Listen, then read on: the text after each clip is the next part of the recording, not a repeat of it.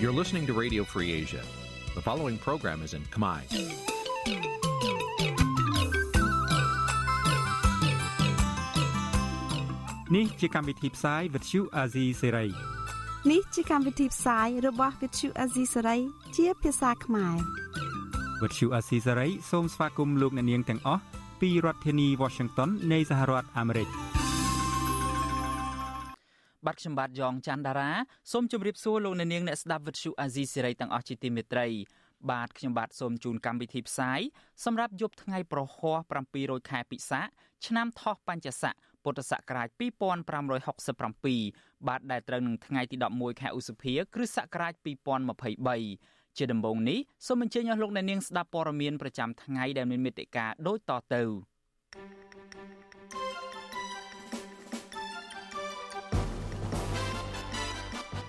គណៈបកភ្លើងទៀនដាក់លិខិតស្នើជួបលោកសខេងដើម្បីជជែករឿងចុះបញ្ជីគណៈបកចូលរួមការបោះឆ្នោតមេដឹកនាំអាស៊ានស្នើរបបយោធាភូមាបញ្ឈប់អំពើហិង្សាគ្រប់ទម្រង់សង្គមស៊ីវិលជំរុញឲ្យក្រសួងមហាផ្ទៃទប់ស្កាត់អំពើពុករលួយ នៅក្នុងការជ្រើសរើសមន្ត្រីនៅមូលដ្ឋាន ប្រវត្តិព្រះសង្ឃមួយអង្គដែលបានចំណាយពេលវេលាជិត10ឆ្នាំដើម្បីការពារព្រៃសហគមន៍សង្ឃរុក្ខវ័នរួមនឹងព័ត៌មានសំខាន់ៗមួយចំនួនទៀត។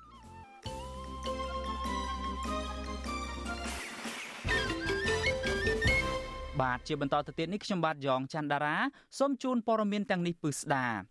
បាទលោកនាងជាទីមេត្រីមេដឹកនាំអាស៊ានបានចេញសេចក្តីថ្លែងការណ៍រួមគ្នាទាមទារទៅរបបយោធាភូមា ឲ្យបញ្ឈប់អំពើហិង្សាគ្រប់ទម្រង់ដើម្បីបង្កើតបរិយាកាសសុវត្ថិភាព និងអាចផ្ដល់ជំនួយមនុស្សធម៌បានទាន់ពេលវេលាបាទសំណើនេះធ្វើឡើងនៅក្នុងកិច្ចប្រជុំកំពូលអាស៊ានលើកទី42នៅប្រទេសឥណ្ឌូនេស៊ីនៅថ្ងៃទី11ខែឧសភាទោះជាយ៉ាងណា អ្នកជំនាញកិច្ចការអន្តរជាតិលើកឡើងថាសេចក្តីថ្លែងការណ៍រួមនេះ ទំនងជាមិនអាចធ្វើឲ្យរបបសឹកភូមិអនុវត្តតាមឡើយប្រសិនបើអាស៊ាន នៅតែធ្វើនយោបាយការទូតជាមួយរបបសឹកនេះតទៅទៀតបាទសំលោកនាងរងចាំស្ដាប់ព័ត៌មាននេះពឹស្ដានៅពេលបន្តិចទៀតនេះកម្មវិធី Vithu Azizi ស្រីសម្រាប់ទូរស័ព្ទដៃអាចឲ្យលោកអ្នកនាង អានអត្ថបទទស្សនាវីដេអូនិងស្ដាប់ការផ្សាយផ្ទាល់ដោយឥតគិតថ្លៃនិងដោយគ្មានការរំខាន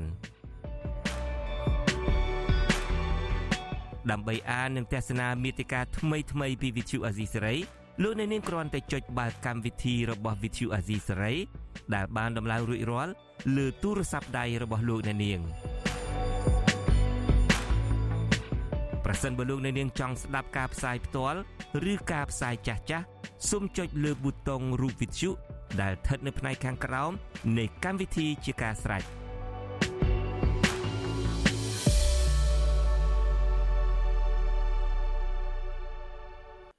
បាទលោកអ្នកនាងជាទីមេត្រីឆ្លៀតនៅក្នុងឱកាសនេះដែរខ្ញុំបាទសូមជម្រាបជូនលោកអ្នកនាងថាវិទ្យុអាស៊ីសេរី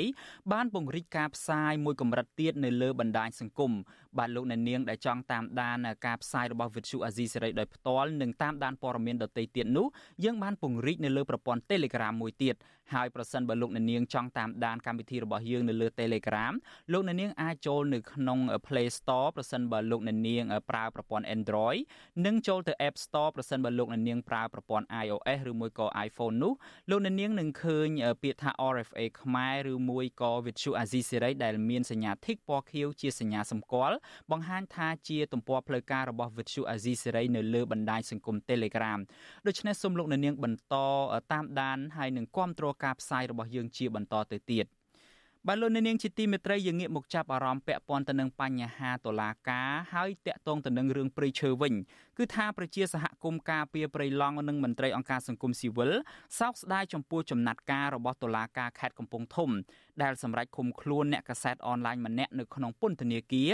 ដោយសារតែឈ្មួញរកស៊ីឈើខុសច្បាប់ប្តឹងរូបគាត់។ បាទពួកគាត់ចាត់ទុកទង្វើរបស់តុលាការនេះថាជាការអនុវត្តច្បាប់ទៅតាមខ្សែញាក់របស់ឈ្មួញឈើដែលប្រកបរបររកស៊ីឈើដោយខុសច្បាប់ បាទលោកជាតិចំណានរាយការណ៍ជូនលោកអ្នកនាងប្រជាសហគមន៍ការពារព្រៃឡង់អ្នកសារព័ត៌មាននិងមន្ត្រីសង្គមស៊ីវិលកំពុងតាមដានពីចំណាត់ការរបស់តុលាការនិងស្ថាប័នអាយកាខេត្តកំពង់ធំដែលអនុវត្តច្បាប់ទៅលើអ្នកសារព័ត៌មានក៏ប៉ុន្តែមិនមានចំណាត់ការលើឈ្មោះឈើនិងអ្នកពាក់ព័ន្ធដែលប្រព្រឹត្តអំពើពុករលួយព្រឹត្តិកម្មនេះធ្វើឡើងក្រោយពីសាលាដំបងខេត្តកំពង់ធំ បានសម្រេចឃុំខ្លួនបណ្ដោះអាសន្នទៅលើអ្នកសារព័ត៌មានម្នាក់ដោយចាប់ប្រកាន់ពីបទកំហែងយកក្រមមិនដឹងរបស់ឈ្មោះឈើម្នាក់ដែលប្រមូលទិញឈើនៅខេត្តកំពង់ធំជាច្រើនឆ្នាំមកហើយអ្នកសារព័ត៌មានដែលតុលាការឃុំខ្លួននោះឈ្មោះសឿសុជាមានវ័យ30ឆ្នាំជាអ្នកយកព័ត៌មានអនឡាញឲ្យស្ថាប័នព័ត៌មាន TNM រស់នៅក្នុងស្រុកសណ្ដានខេត្តកំពង់ធំចាំងវាងសារព័ត៌មានអនឡាញ TNM លោកសែមបូរ៉ាប្រាប់វិសុអាស៊ីសេរីថាសហការីរបស់លោកតែងតែចុះទៅផ្សាយពីបទល្មើសព្រៃឈើនិងរិះគន់អាជ្ញាធរ ដែលមិនអនុវត្តច្បាប់ព្រៃឈើក៏ប៉ុន្តែលោកបែរជាត្រូវជាប់ពន្ធនាគារទៅវិញ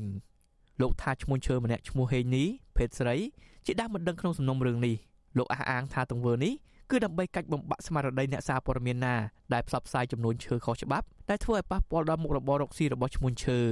លោកសែមបូរ៉ាបន្តថាសហការីរបស់លោកទើបតែចូលបម្រើការងារជាអ្នកសារព័ត៌មានក្នុងអំឡុងឆ្នាំ2021ក៏ប៉ុន្តែពីបណ្ដឹងនេះបែរជាចោទប្រកាន់ក្នុងឆ្នាំ2020ទៅវិញ លោកស្នើឲ្យតុលាការដោះលែងសហការីរបស់លោកឲ្យមានសេរីភាពឡើងវិញអ្នកសារព័ត៌មានជួយសង្គមជួយធ្វើជាកញ្ចក់ដើម្បីរាជរដ្ឋាភិបាលយើងបែរទៅជាមានការខត់ខ្លួនបែបនេះខ្ញុំសម្ដែងការខកចិត្តឲ្យធ្វើឲ្យប៉ះពាល់កិត្តិយសក៏ដូចជាអ្នកសារព័ត៌មានមួយចំនួនធ្វើឲ្យភ័យខ្លាចតឡាការចេញពីការកោះម្ដងម្ដងគឺខ្លាចតែម្ដង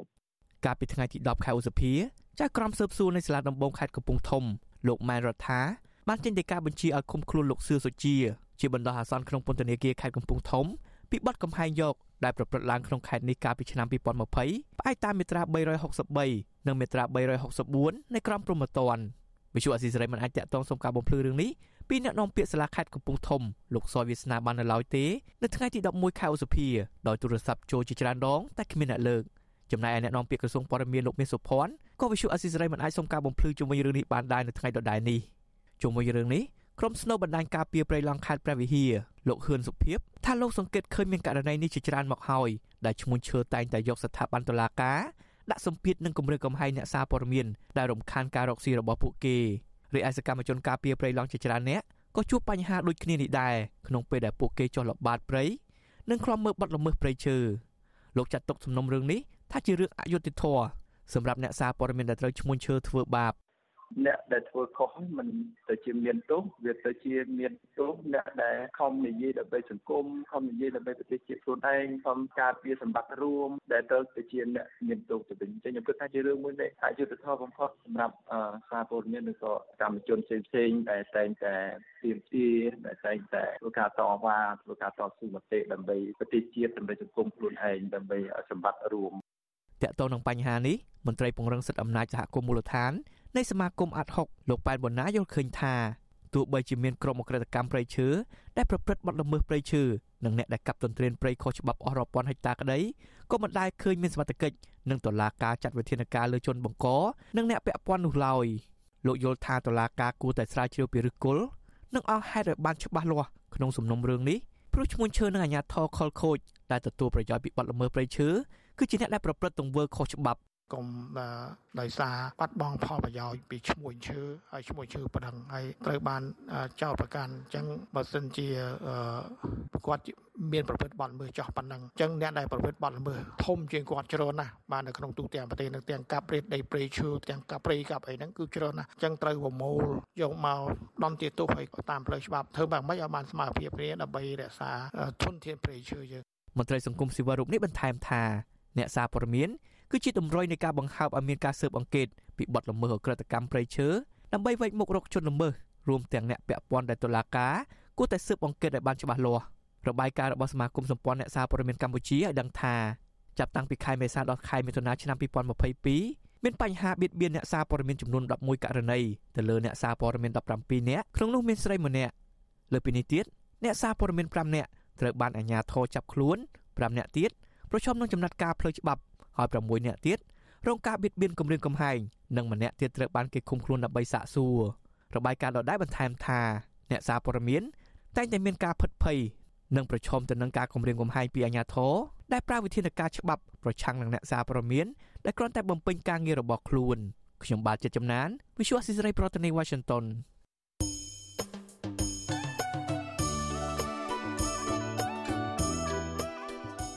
បបាទលោកនាងជាទីមេត្រីដំណើរគ្នានឹងស្ដាប់ការផ្សាយរបស់ Vuthu Azizi Serai នៅតាមបណ្ដាញសង្គម Facebook និង YouTube ព្រមទាំង Telegram នោះលោកនាងក៏អាចស្ដាប់ការផ្សាយរបស់យើងតាមរយៈ Vuthu រលកធាតុអាកាសខ្លីឬមួយក៏ Shortwave បានដែរគឺតាមកម្រិតនិងកម្ពស់ដូចតទៅនេះបាទពេលព្រឹកចាប់ពីម៉ោង5កន្លះដល់ម៉ោង6កន្លះតាមរយៈប៉ុស SW 12.14 MHz ស្មើនឹងកម្ពស់ 25m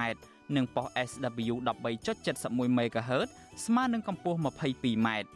ពេលយប់ចាប់ពីម៉ោង7កន្លះដល់ម៉ោង8កន្លះតាមរយៈប៉ុស SW 9.33 MHz ស្មើនឹងកម្ពស់ 32m ប៉ុស SW 11.88 MHz ស្មើនឹងកម្ពស់ 25m និងប៉ុស SW 12.14 MHz ស្មើនឹងកម្ពស់ 25m បាទសូមអរគុណ បាទលោកអ្នកនាងជាទីមេត្រីខ្ញុំបាទសូមជម្រាបជូនលោកអ្នកនាងថាវិទ្យុអាស៊ីសេរីចាប់តាំងពីខែមេសាថ្មីថ្មីនេះមកគឺយើងបានចាប់ផ្ដើមដំណើរការផ្សាយផ្លូវការនៅតាមបណ្ដាញសង្គម Telegram ផ្លូវការរបស់យើងហើយប្រសិនបើលោកអ្នកនាងចង់តាមដានការផ្សាយរបស់យើងតាម Telegram សូមលោកអ្នកនាងចូលទៅកាន់បណ្ដាញសង្គម Telegram ទៅ ហើយវាយពាក្យថាវិទ្យុអាស៊ីសេរីឬមួយក៏ RFA ខ្មែរនៅក្នុង Telegram ហើយទំព័រផ្លូវការរបស់វិទ្យុអាស៊ីសេរីនៅលើ Telegram នោះគឺមានសញ្ញា tick ពណ៌ខៀវជាសញ្ញាសម្គាល់ហើយឆ្លៀតឱកាសនៅក្នុងឱកាសនេះដែរខ្ញុំបាទក៏សូមជម្រាបជូនលោកអ្នកនាងថាប្រសិនបើលោកអ្នកនាងចង់តាមដានការផ្សាយរបស់យើងនៅតាមគេហៅថាកម្មវិធីទូរស័ព្ទឬមួយក៏ iPad អីហ្នឹងគឺយើងមាន app របស់យើងដែល app របស់យើងបានធ្វើបច្ចុប្បន្នភាពស្របទៅតាមការវិវត្តចុងក្រោយនៃប្រព័ន្ធ Android ឬមួយក៏ iOS ដូច្នេះប្រសិនបើលោកអ្នកនាងដែលប្រើប្រព័ន្ធ Android លោកអ្នកនាងចូលទៅកាន់ Play Store ទៅហើយប្រសិនបើលោកអ្នកនាងប្រើប្រព័ន្ធ iPhone ឬមួយក៏ iOS ហ្នឹងលោកអ្នកនាងចូលទៅកាន់ App Store ទៅហើយស្វែងរក app របស់ Virtual Azizi Serai ដោយវាយពាក្យថា RFA ខ្មែរហើយកម្មវិធី app របស់ Azizi Serai ហ្នឹងគឺមានរូបពណ៌ខៀវហើយសូមលោកអ្នកនាងអាចជៀសវាងបានក៏ជៀសវាងទៅ គឺក្រុមដែលមាន app មួយដែលមានឃើញមានវិទ្យុជាច្រើនដែលនៅក្នុងហ្នឹងក៏មានវិទ្យុអាស៊ីសេរីដែរហ្នឹងមិនមែនជា app ផ្លូវការរបស់អាស៊ីសេរីទេ app ផ្លូវការរបស់យើងគឺមានតែមួយទេពណ៌ខៀវ ពណ៌បៃតងសំទោសមិនមែនពណ៌ខៀវទេគឺពណ៌បៃតងហើយដាក់ពាក្យថាវិទ្យុអាស៊ីសេរីដូច្នេះសូមលោកអ្នកនាងបន្តតាមដានការផ្សាយរបស់យើងដែលយើងបានពង្រីកទាំងនៅលើបណ្ដាញសង្គមផងនៅលើ website ផងអឺហើយងាកមកចេញពីរឿងព្រៃឈើអំបញ្ញមិញនេះយើងមកចាប់អារម្មណ៍ពាក់ព័ន្ធទៅនឹងការជ្រើសរើសមន្ត្រីមូលដ្ឋាន ដែលស្ថិតនៅក្នុងក្របខ័ណ្ឌឬមួយក៏ដែនអំណាចរបស់ក្រសួងមហាផ្ទៃឯនេះវិញគឺថាមន្ត្រីអង្គការសង្គមស៊ីវិលជំរុញឲ្យរដ្ឋមន្ត្រីក្រសួងមហាផ្ទៃលោកសខេងពង្រឹងការអនុវត្តច្បាប់ឲ្យមានតម្លាភាពដើម្បីទប់ស្កាត់អំពើពុករលួយ និងមន្ត្រីរដ្ឋាភិបាលទាំងឡាយណា ដែលយកតែខ្សែស្រឡាយរបស់ខ្លួន ចូលបម្រើការងារនៅក្នុងស្ថាប័នរដ្ឋដែលធ្វើឲ្យយុវជនមានចំណេះដឹងបាត់បង់ឱកាសបញ្ចេញសមត្ថភាពបាទពួកគេស្នើឲ្យអាជ្ញាធរគួរតែពិនិត្យឡើងវិញពាក់ព័ន្ធទៅនឹងការអនុវត្តច្បាប់និងបង្កើនធនធានមនុស្សនៅតាមមូលដ្ឋាន ដើម្បីទទួលបានប្រសិទ្ធភាពខ្ពស់បាទលោកមានរិទ្ធរាយការណ៍រឿងនេះជូនលោកអ្នកនាង ប្រធានអង្គការសម្ព័ន្ធកណន័យភាពសង្គមកម្ពុជាលោកសនជ័យប្រាប់វិសុវស៊ីស្រីនៅថ្ងៃទី11ខែឧសភាថាលោកសាទរដែលរដ្ឋមន្ត្រីក្រសួងមហាផ្ទៃលោកសុកខេងចេះគិតគូរពីបញ្ហាមន្ត្រីពុករលួយនៅថ្នាក់ក្រោមជាតិក៏ប៉ុន្តែលោកថាបញ្ហាអំពើពុករលួយនៅតាមថ្នាក់មូលដ្ឋានបែបនេះមិនមែនទើបតែកើតមានឡើងនាពេលនេះទេលោកបន្តថាមន្ត្រីរដ្ឋាភិបាលនិងក្រសួងពាក់ព័ន្ធ គួរតែចុះត្រួតពិនិត្យការអនុវត្តច្បាប់និងការដាក់ទោសទណ្ឌលើមន្ត្រីណាដែលប្រព្រឹត្តខុសច្បាប់ដើម្បីជាគំរូដល់មន្ត្រីដទៃទៀត។ការដោះស្រាយបញ្ហាជំងឺរ៉ាំរ៉ៃពុករលួយនៅក្នុងសង្គមនេះការបើកឱកាសឲ្យមានការប្រឡងដោយការប្រកួតប្រជែងហើយនឹងការសម្រួលនីតិវិធីផ្សេងផ្សេងនៃដំណើរការប្រឡងកុំឲ្យស្មុគស្មាញព្រោះកន្លងទៅយើងបានលើពាក្យចាមអារាមថាដំណើរការនៃការដាក់ ពាក្យប្រឡងអីផ្សេងផ្សេងហ្នឹងសុទ្ធតែមានការលំបាកអញ្ចឹងគឺគេត្រូវសម្រួលនីតិវិធីហើយនឹងបើកចំហឲ្យមានការប្រឡងជែងមួយដោយស្មើភាពគ្នាប្រតិកម្មរបស់មន្ត្រីសង្គមស៊ីវិលបែបនេះគឺបន្ទាប់ពីរដ្ឋមន្ត្រីក្រសួងមហាផ្ទៃលោកសុកហេងថ្លែងក្នុងពិធីបិទវគ្គបណ្ដុះបណ្ដាលថ្នាក់ដឹកនាំនគរបាលកម្រិត1និងកម្រិត2ចំនួនទី3នៅបណ្ឌិតសភានគរបាលកម្ពុជា ស្រុកគៀនស្វាយខេត្តកណ្ដាលកាលពីថ្ងៃទី10ខែឧសភា ថាលោកបានទទួលពាក្យបណ្ដឹងជាលាយលក្ខណ៍អសរថាមានមន្ត្រីមួយចំនួន បានប្រព្រឹត្តអំពើពុករលួយជ្រើសរើសខ្សែស្លាយខ្លួនឯងធ្វើជាមន្ត្រីថ្នាក់ឃុំនិងមានមន្ត្រីខ្លះទៀតមានតែឈ្មោះប្រឡងក៏ប៉ុន្តែយកមនុស្សពីខេត្តផ្សេងមកដាក់លោកសខេងប្រមានដកតំណែងស្នងការនគរបាលណា ដែលប្រព្រឹត្តអំពើពុករលួយជ្រើសរើសកូនចៅខ្លួនឯងធ្វើជានគរបាលឃុំរដ្ឋមន្ត្រីក្រសួងមហាផ្ទៃរូបនេះបញ្ជាក់ថាការជ្រើសរើសនគរបាលថ្នាក់ឃុំ គឺត្រូវតែមានការប្រឡងស្របតាមច្បាប់ត្រឹមត្រូវនិងមានចុះហត្ថលេខាទទួលស្គាល់ពីរដ្ឋមន្ត្រីក្រសួងមហាផ្ទៃព័ត៌មានមួយទៀតមិនមែនជាលេខអក្សរទេរៀបចំទម្លាក់ពីខេត្តទៅតែម្ដងដាក់ទៅតាណាប្រមាណអីអ្នកណាណាកខកមកឈ្មោះមនុស្សជាក់ស្ដែងអើមិនមែនជាមនុស្សនៅកន្លែងនោះបើអញ្ចឹងវាដដែលជាដដែលទេហើយខ្ញុំថាបើរកឃើញរឿងហ្នឹងពិតប្រកបមែនណាស្នងការនគរបាលទៅទទួលខុសត្រូវមុនគេជាការល្អគឺថាសុំដកខ្លួនលាលែងបណ្ដោយ កុំឲ្យដេញតែដេញទៅស្រួលបកអស់សាក់អស់អីទៀតពីព្រោះយើងចង់ថាបើកូនចៅប្រជាពលរដ្ឋនៅកន្លែងណាប៉ុស្តិ៍បលិសនៅកន្លែងនោះបានថាមន្ត្រីបលិសហ្នឹងគឺថាជាមនុស្សនៅនោះបើទោះបីជាលោកសខេងរិះគន់ការធ្វើការរបស់មន្ត្រីថ្នាក់ក្រមអាវ៉ាតថាប្រព្រឹត្តអំពើពុករលួយ លើកបន្ទប់កូនចៅខ្លួនឯងឲ្យមានតំណែងនៅក្នុងស្ថាប័នរដ្ឋយ៉ាងណាក៏ដោយក៏លោកសខេងខ្លួនឯងបានលើកបន្ទប់កូនកូនរបស់លោក គឺលោកសសុខាឲ្យឡើងតំណែងជារដ្ឋលេខាធិការក្រសួងអប់រំកូនប្រុសពៅឈ្មោះសរដ្ឋា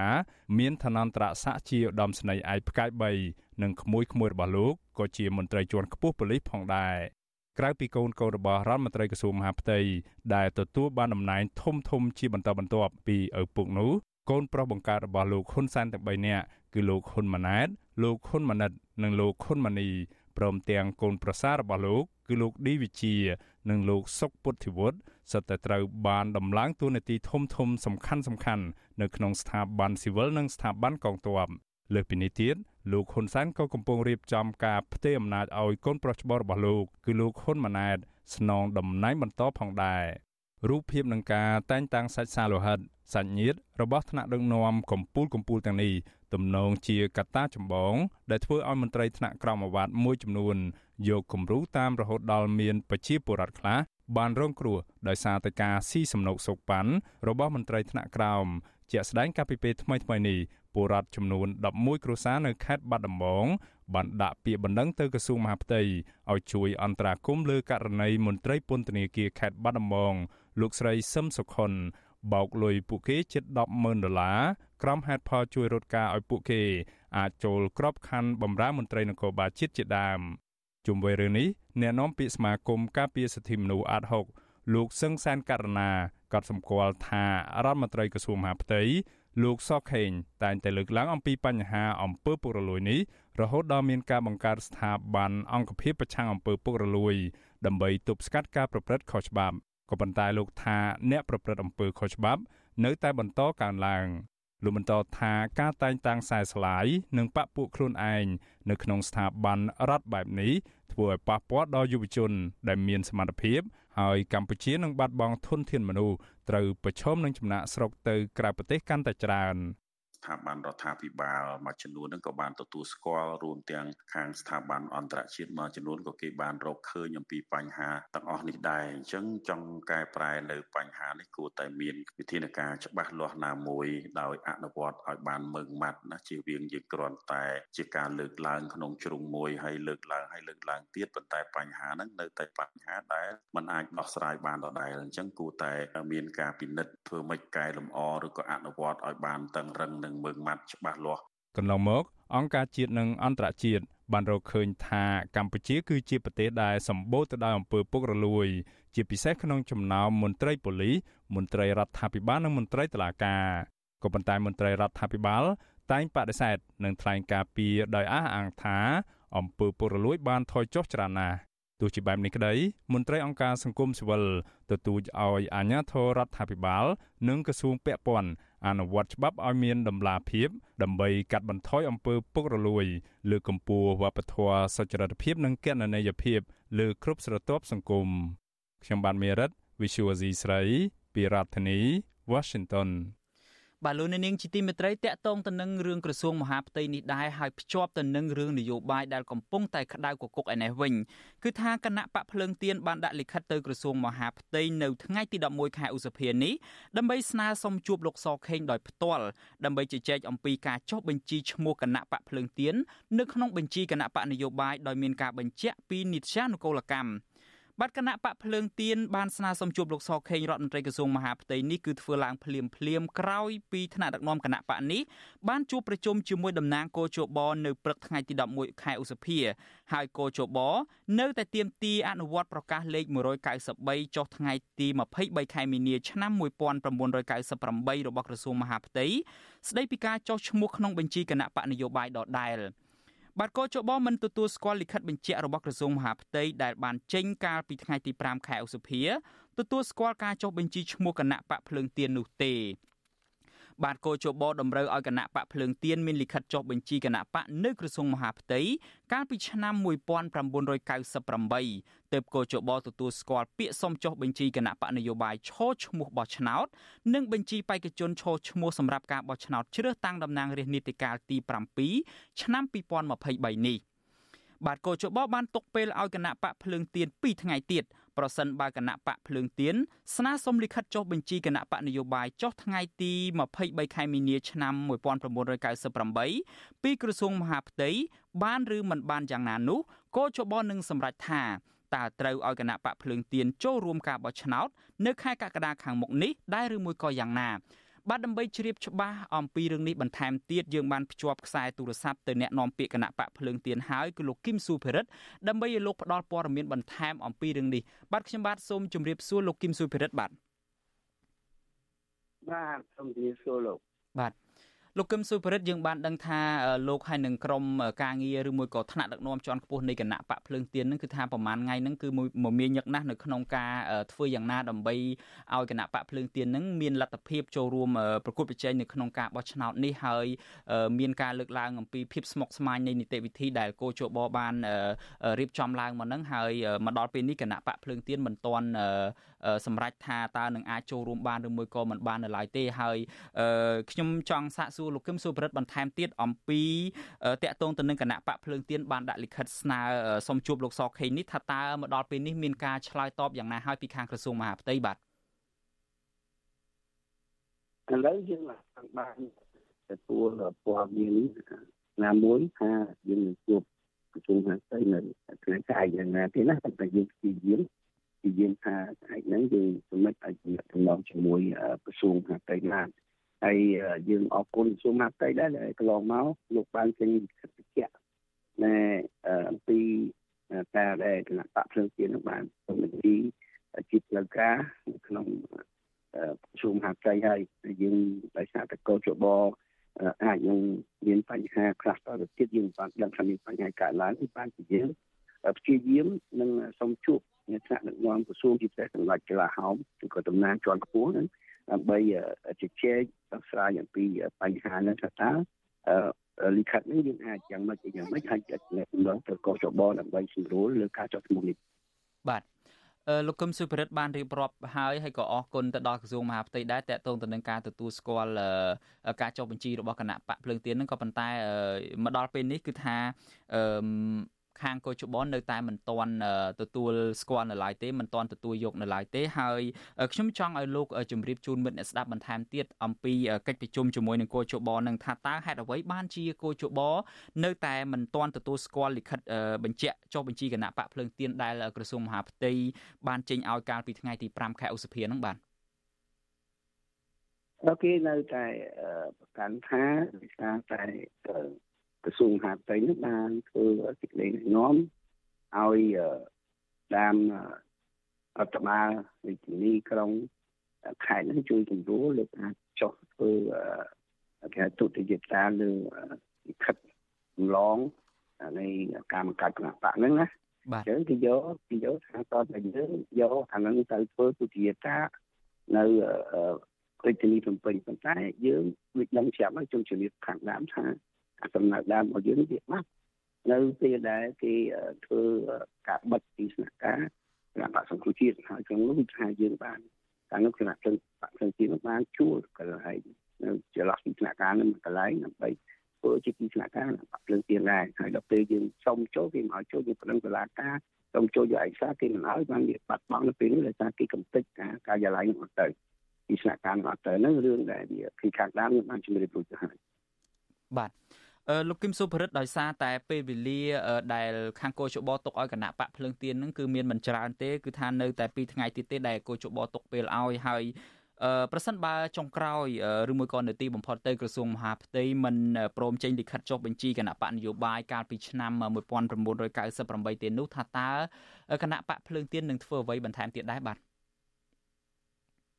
យើងនឹងបន្តនេះពីព្រោះយើងមានពេលយើងយក ឯកសារអឺលិខិតបញ្ជាក់ក្រសួងមហាផ្ទៃដែលទើបបញ្ចេញឲ្យការពីថ្ងៃ5ទៅដាក់ធ្វើវិទ្យាតានៅរាជធានីភ្នំពេញនេះហើយយើងយកទៅដាក់ឲ្យចាំមើលតើកោជបហ្នឹងគេបដិសេធ đi យ៉ាងម៉េចណាពីព្រោះបញ្ហាវាអត់ទាន់កើតឡើងទេប៉ុន្តែថាយើងគិតគេទៀមទាអញ្ចឹងហើយយើងតាមបានដាក់ហើយអាចបដិសេធយើងនឹងមានពេល5ថ្ងៃទៀតដើម្បីតវ៉ានឹងក្តីនឹងទៅដល់ក្រុមប្រឹក្សាសំនុយប៉ុន្តែបើយើងពិនិត្យលើអឺ ពីការលភាពផ្លូវច្បាប់ឯកសារប៉ុណ្ណឹងហើយក្រសួងហាផ្ទៃចេញឲ្យប៉ុណ្ណឹងគឺវាហាក់ដូចជាគ្រប់គ្រាន់សម្រាប់សម្រួលឲ្យមានការបញ្ចុះបញ្ជីឲ្យលើកឡើងតែករណីផ្សេងពីហ្នឹងគេគិតថាជាចេតនាហ្នឹងបានយើងមានការលំបាកបាទ លោកគឹមសឿប្រិតខ្ញុំមានសំណួរដោយខ្លីជាចុងក្រោយមួយទៀតទេការចុះបញ្ជីហ្នឹងក៏ដូចពិបាកខ្លាំងមែនទែនសម្រាប់គណៈបកភ្លើងទៀនហើយទន្ទឹមពេលហ្នឹងមន្ត្រីជាន់ខ្ពស់ក្តីមន្ត្រីថ្នាក់មូលដ្ឋានក្តីដែលជាសមាជិកឬមួយក៏ជាអ្នកគ្រប់គ្រង គណៈបកភ្លើងទៀនមួយចំនួនដែលជាមន្ត្រីរាជការនឹងត្រូវបានស្ថាប័នរបស់ពួកគាត់នឹងប្រឈប់ពីការងារបដាជាបដាមានន័យថាយើងឃើញករណីមួយករណីទៅមួយករណីហ្នឹងគឺមានការបដិញ្ញចេញពីក្របខ័ណ្ឌហើយហើយក្រៅពីហ្នឹងទេបេក្ខជនមួយចំនួនដែលមានប្រជាប្រិយភាពខ្លាំងដូចជាករណីលោករងឈុនជាដើមហ្នឹងมันអាចឈរឈ្មោះជាតំណាងរាស្ត្រនៅមណ្ឌលខេត្តកណ្ដាលនឹងបានទេហើយចង់ជម្រាបសួរលោកជារួមថាតើសម្រាប់គណៈបកភ្លើងទៀនមើលឃើញយ៉ាងម៉េចដែរចំពោះទស្សនវិជ្ជានៅក្នុងមុនការបោះឆ្នោតនេះសម្រាប់ការចូលរួមប្រកួតប្រជែងនេះបាទនេះវាជាសម្ពាធមួយផ្សេងទៀតណាតាមគេហៅថាលក្ខណៈបច្ចេកទេសហើយគេយកលក្ខខណ្ឌវាខុសនេះខុសនោះខុសលក្ខខណ្ឌកៈអីចឹងទៅហើយអឺលោករំសុនគឺអានេះវាខុសទៅតាមនីតិវិធីនៅក្នុងសាលាការដោយសារកំតំនីតិសម្បទាទទួលបាននីតិសម្បទាពេញលេញខ្ញុំគិតថាវាជាផ្នែកមួយទោះតែច្រើនវាជាផ្នែកមួយនៃការដាក់សម្ពាធ ទៅលើគណៈបកប្រឆាំងដែលជាគូប្រជែងដែលយើងមើលទៅឃើញគណៈបកទៅទៀតជាគូប្រជែងមួយរបស់សុសាក្នុងចំណោមគណៈបកទាំងអស់ដែលដាក់ចុះបញ្ជីហ្នឹងចឹងទេវាអាចមានសម្ពាធធ្វើមិនឲ្យគូប្រកួតហ្នឹងវាទុនខ្សោយហើយយើងឃើញហើយជាពិសេសគឺនៅតាមមូលដ្ឋានមានទាំងការចូលរួមចេញពីគណៈបកលើជាងទៅគណៈបកខាងអំណាចអាហ្នឹងទៅវាតែតែមាន ការបោះឆ្នោតអាចជាខាងតែចាក់ទាញយ៉ាងដែរអញ្ចឹងចង់មកចង់ជាផ្នែកមួយនៃការដាក់សម្ពាធថែមទៀតលើគណៈបកដែលជាគូប្រកួតបាទបាទខ្ញុំបាទសូមអរគុណលោកគឹមស៊ូប្រិតច្រើនដែលបានចំណាយពេលវេលាផ្ដល់បទសម្ភាសន៍ដល់វិទ្យុអាស៊ីសេរីនៅពេលនេះហើយយើងនឹងបន្តតាមដានថែមទៀតតកតងទៅនឹងដំណើរការនៃការស្នើសុំចុះបញ្ជីរបស់គណៈបកភ្លើងទៀនដើម្បីចូលរួមប្រកួតប្រជែងការបោះឆ្នោតនៅខែកក្កដានេះបាទខ្ញុំបាទសូមអរគុណនិងសូមជម្រាបលាលោកគឹមស៊ូប្រិតបាទ បាទអរគុណនេះបងជុនច័ន្ទបុតស្អីខ្លះដែលកំពុងតែកើតមានឡើងនៅក្នុងប្រទេសកម្ពុជាដែលគួរឲ្យចាប់អារម្មណ៍មែនទែននេះចេញមកភ្លាមនិយាយរឿងឲ្យភ្លាមទេចេញភ្លាមប្រាប់អ្នកស្ដាប់សិនគេគ្រប់គ្នាស្គាល់ខ្ញុំជុនច័ន្ទបុតទេចុះពូលីវិញគេអត់ទាន់ស្គាល់ទេណា ខ្ញុំសំពូលីបាទបាទលោកនាងកញ្ញាជាទីមេត្រីយើងទាំងពីរនាក់នេះដោយយើងបានធ្លាប់សន្យាហើយយើងនឹងឡើងមកធ្វើកម្មវិធីមួយដែលមានឈ្មោះថាកម្ពុជាសប្តាហ៍នេះ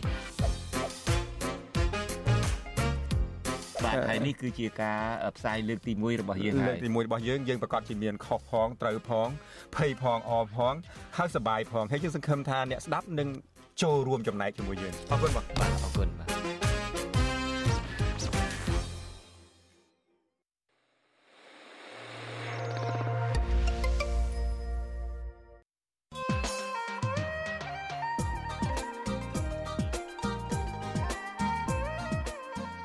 លោកនាងជាទីមេត្រីប្រទេសថៃនឹងរៀបចំការបោះឆ្នោតនៅថ្ងៃអាទិត្យទី14ខែឧសភានេះហើយ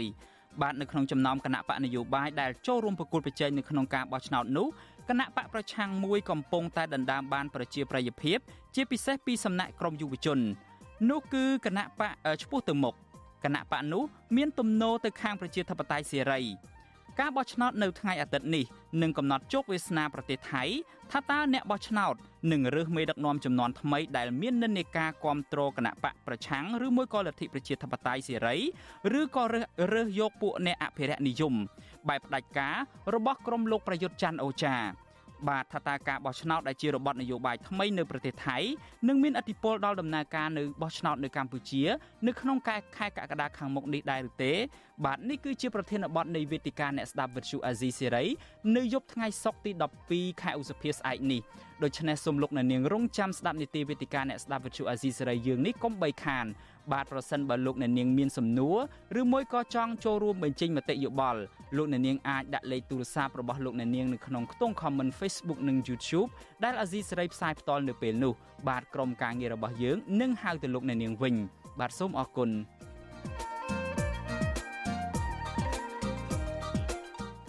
បាទលោកអ្នកនាងជាទីមេត្រីយើងងាកចេញអំពីនយោបាយនៅកម្ពុជាចាប់អារម្មណ៍ទៅនឹងពាក់ព័ន្ធទៅនឹងស្ថានភាពនៃប្រទេសអាស៊ានឯនេះវិញ បាទមេដឹកនាំអាស៊ានចេញសេចក្តីថ្លែងការណ៍រួមគ្នាទាមទារទៅរបបយោធាភូមាឲ្យបញ្ឈប់អំពើហិង្សាគ្រប់ទម្រង់ដើម្បីបង្កើតបរិយាកាសសុវត្ថិភាព និងអាចផ្ដល់ជំនួយមនុស្សធម៌បានទាន់ពេលវេលាបាទសំណើនេះធ្វើឡើងនៅក្នុងកិច្ចប្រជុំកំពូលអាស៊ានលើកទី42នៅប្រទេសឥណ្ឌូនេស៊ីនៅថ្ងៃទី11ខែឧសភា ទោះជាយ៉ាងណាអ្នកជំនាញកិច្ចការអន្តរជាតិលើកឡើងថាសេចក្តីថ្លែងការណ៍រួមនេះទំនងជាមិនអាចធ្វើឲ្យរបបសឹកភូមិអនុវត្តតាមបានឡើយប្រសិនបើអាស៊ាន នៅតែបន្តធ្វើនយោបាយការទូតជាមួយនឹងរបបសឹកនេះតទៅទៀតបាទយើងប្រកុលនេតិនេះជូនលោកទីនសាការីយ៉ារាយការណ៍ជូនលោកអ្នកនាងមេដឹកនាំអាស៊ានបានចេញសេចក្តីថ្លែងការណ៍ជាបន្តបន្ទាប់ស្តីពីវិបត្តិនៅប្រទេសភូមាឬមីយ៉ាន់ម៉ាដែលដឹកនាំដោយលោកមីនអងលៀង សេចក្តីថ្លែងការណ៍រួមរបស់អាស៊ាននៅថ្ងៃទី11ឧសភាបន្តទៀមទាទៅរបបយោធាឲ្យបញ្ឈប់ប្រើអំពើហិង្សាគ្រប់ទម្រង់គណៈរបបសឹកភូមាបង្កើនការវាយប្រហារលើបរដ្ឋភូមា និងវាយប្រហារលើមន្ត្រីជំនួយមនុស្សធម៌របស់អាស៊ាននៅប្រទេសភូមាលោកនាយរដ្ឋមន្ត្រីហ៊ុនសែនដែលចូលរួមនៅក្នុងកិច្ចប្រជុំដែរនោះបានសរសេរនៅលើ Facebook របស់លោកនៅថ្ងៃទី11ឧសភាថាមេដឹកនាំអាស៊ានគាំទ្រប្រធានអាស៊ាន គឺមេដឹកនាំឥណ្ឌូនេស៊ីជូកូវីដូដូ ក្នុងការរក្សាទំនាក់ទំនងជាមួយភាគីពាក់ព័ន្ធមីយ៉ាន់ម៉ាទាំងអស់និងលើកទឹកចិត្តឲ្យអនុវត្តទៅលើការឯកភាពគ្នាជាឯកច្ឆ័ន្ទចំនួន5ចំណុចលោកហ៊ុនសែនបានដឹងទៀតថាមេដឹកនាំអាស៊ានក៏បង្ហាញការគាំទ្រលើសេចក្តីថ្លែងការណ៍រួមរបស់អាស៊ានបដូវវេនគឺមេដឹកនាំឥណ្ឌូនេស៊ីដែលជាប្រធានអាស៊ានបដូវវេនផងនោះគឺលោកជូកូវីដូដូបានរិះគន់ទៅលើមេដឹកនាំរបបយោធាភូមាដែលបានវាយប្រហារលើមន្ត្រីជំនួយមនុស្សធម៌របស់អាស៊ាននៅភូមានោះតើតើនឹងវិបត្តិនៅភូមានេះដែរ កាលពីថ្ងៃទី10ឧសភាមេដឹកនាំអាស៊ានក៏បានចេញសេចក្តីថ្លែងការណ៍រួមមួយដែរដោយលើកឡើងពីក្តីបារម្ភអំពីអំពើហិង្សានៅប្រទេសភូមានិងជំរុញឲ្យបញ្ឈប់បទឈប់បាញ់ជាបន្ទាន់គ្រប់ទម្រង់និងបញ្ឈប់ការប្រើប្រាស់កងកម្លាំងទ័ពដើម្បីបង្កើតបរិយាកាសសុវត្ថិភាពនិងអាចផ្ដល់ជំនួយមនុស្សធម៌បានទាន់ពេលវេលានៅភូមាកិច្ចប្រជុំកំពូលអាស៊ាន លើកទី42នៅទីក្រុងឡាប៊ុនបាជោប្រទេសឥណ្ឌូនេស៊ីចាប់ពីថ្ងៃទី10ដល់ថ្ងៃទី11ឧសភាលើកឡើងជំវិញប្រធានបទ សារៈសំខាន់អាស៊ានស្នូលនៃកំណើនកិច្ចប្រជុំនេះមេដឹកនាំអាស៊ានមិនអនុញ្ញាតឲ្យមេដឹកនាំរបបយោធាចូលរួមប្រជុំនោះឡើយតែទៅនឹងបញ្ហានេះអ្នកជំនាញផ្នែកវិទ្យាសាស្ត្រនយោបាយលោកអែមសវណ្ណរាសង្កេតឃើញថាសេចក្តីថ្លែងការណ៍ឆ្នាំ2023នេះក៏មិនខុសពីសេចក្តីថ្លែងការណ៍របស់អាស៊ានប្រូវេនឆ្នាំមុនមុនដែរតែមិនដាល់ឃើញរបបយោធាលោកមីនអងឡាំងអនុវត្តតាមគោលការណ៍ទាំង5ចំណុចរបស់អាស៊ានបាននោះឡើយអ្នកជំនាញកិច្ចការអន្តរជាតិរូបនេះយល់ថាគួរដល់ពេលមេដឹកនាំអាស៊ាន ឈប់ដល់តម្លៃឲ្យរបបសឹកភូមិហើយតែមេដឹកនាំអាស៊ានគួរតែចាប់ផ្ដើមមានទំនាក់ទំនងល្អជាមួយរដ្ឋាភិបាលរួមរំជាតិរបស់អ្នកស្រីអង្សានសុជីវិញប្រសើរជាង។ ប្រសិនបើអន្តរជាតិនិងអាស៊ាន មាននឹងគេហៅថាមធ្យោបាយឬក៏យន្តការនៅក្នុងការបង្កើនទំនាក់ទំនងឲ្យបានច្រើនជាងមុនជាមួយនឹងរដ្ឋាភិបាលស្រមោលខ្ញុំគិតថាប្រហែលជារដ្ឋាភិបាលយោធាអាចងាកមករកផ្លូវជជែកចរចាពីព្រោះកន្លងមកអាស៊ានហាក់ដូចជាផ្ដល់តម្លៃដែរទៅលើរដ្ឋាភិបាលយោធាភូមិដែលឡើងដោយខុសច្បាប់អញ្ចឹងធ្វើឲ្យគេហៅថាយន្តការឬការដោះស្រាយបញ្ហាពិតប្រាកដនៅភូមិនឹងមិនចំបញ្ហាទេបាទ កន្លងទៅមេដឹកនាំអាស៊ានបានធ្វើនយោបាយការទូតជាច្រើនជាមួយរបបយោធាភូមាតែរបបយោធាភូមាមិនបានធ្វើតាមអាស៊ាននោះឡើយទោះបីជាមេដឹកនាំរដ្ឋប្រហាររូបនេះបានចុះកិច្ចព្រមព្រៀងទាំង5ចំណុចរបស់អាស៊ានរួចទៅហើយក៏ដោយផ្ទុយទៅវិញរបបផ្សឹកតែងតែវាយប្រហារនិងសម្លាប់បរិរដ្ឋរបស់ខ្លួនជាបន្តបន្ទាប់កាលពីឆ្នាំ2020អតីតប្រធានបដូវវេនអាស៊ានគឺលោកហ៊ុនសែនបានធ្វើដំណើរទៅភូមាហើយជួបមេដឹកនាំយោធាលោកមីនអងលៀងក្តី ក៏របបសឹកនេះនៅតែមិនអនុវត្តតាមសំណើរបស់លោកហ៊ុនសែនឬសំណើរបស់មេដឹកនាំអាស៊ាននេះទេរបបសឹកបានទម្លាក់គ្រាប់សម្រាប់ជនស៊ីវិលភ្លាមភ្លាមក្រោយពីលោកហ៊ុនសែនវិលទៅដល់កម្ពុជាវិញនៅវិភាននយោបាយលោកកំសុកសង្កេតឃើញថាប្រធានបដូវអាស៊ានថ្មីដែលដឹកនាំដោយមេដឹកនាំឥណ្ឌូនេស៊ីលោកជូកូវីដូដូគួរតែបង្ហាញជំហររួមរបស់អាស៊ានឡើងវិញដោយត្រូវជំរុញឲ្យរបបសឹកយោធាអនុវត្តតាមគោលការណ៍ទាំង5ចំណុចរបស់អាស៊ាន លោកកំសុករិះគន់ថាកាលពីលោកហ៊ុនសែនធ្វើជាប្រធានបដូវអាស៊ានគឺលោកហ៊ុនសែនតែងតែបង្ហាញការដោះស្រាយបញ្ហាភូមិដោយធ្វើតាមការចង់បានរបស់របបសឹកលោកបន្តថាបើសិនជាមេដឹកនាំអាស៊ានឬប្រធានអាស៊ានបដូវវេនដាក់ចេញនៅវិធានការជាក់លាក់លើរបបសឹកភូមិនោះនឹងធ្វើឲ្យក្រុមប្រទេសមហាអំណាចលោកសេរីនឹងចូលរួមដាក់សម្ពាធលើរបបសឹកភូមិនេះជាមួយអាស៊ានដែរ។ គោលការណ៍5ចំណុចពីមុនត្រូវបានលោកនាយករដ្ឋមន្ត្រីហ៊ុនសែនដែលជាប្រធានបដូវវេនធ្វើនយោបាយឲ្យនៅក្រោមបាតជើង លោកមានអង្លាំងមេផ្ដាច់ការយោធាភូមិទៅហើយដូច្នេះដើម្បីបញ្ជាក់ជាថ្មីជំហររបស់អាស៊ានរួមឥណ្ឌូនេស៊ីក្នុងនាមជាប្រធានត្រូវតែធ្វើសេចក្តីថ្លែងការណ៍រួមឡើងវិញអំពីអ្វីដែលជាតម្រូវការរបស់អាស៊ានឲ្យពួកមេដឹកនាំយោធានឹងបញ្ចប់អំពើហិង្សាមុននឹងឈានទៅដល់ដំណោះស្រាយនានា សប្តាហ៍ថ្ងៃបរិបភូមាកំពុងតែរស់នៅក្នុងភាពភ័យខ្លាចពីការតាមសម្លាប់ដ៏ឃោរឃៅនៃក្រុមយោធាភូមាប្រធានបដូវវេនអាស៊ានគឺឥណ្ឌូនេស៊ីស្នើទៅមេដឹកនាំអាស៊ានរួមគ្នាប្រជុំមុខនឹងរបបសឹកភូមាដើម្បីដោះស្រាយបញ្ហានៅភូមានេះចំណែកឯនាយករដ្ឋមន្ត្រីម៉ាឡេស៊ីលោកអាន់វ៉ាអ៊ីប្រាហ៊ីមបានលើកឡើងនៅក្នុងកិច្ចប្រជុំកំពូលអាស៊ានដែលថាសមាគមអាស៊ានត្រូវអនុវត្តគោលការណ៍ទាំង5ចំណុចរបស់អាស៊ានឲ្យបានពេញលេញខ្ញុំបាទទីនសាការីយ៉ាអស៊ីសេរីប្រធានី វ៉ាស៊ីនតោន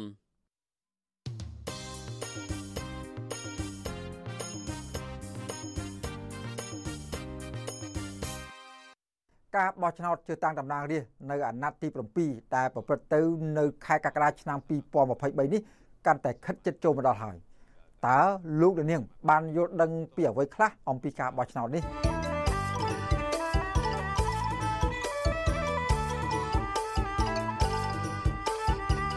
រាបសួរអស់លោកនាងកញ្ញាជាទីមេត្រីខ្ញុំបាទសេបណ្ឌិតនៅថ្ងៃនេះចង់ជម្រាបអស់លោកនាងអំពីប្រព័ន្ធបោះឆ្នោតនៅកម្ពុជា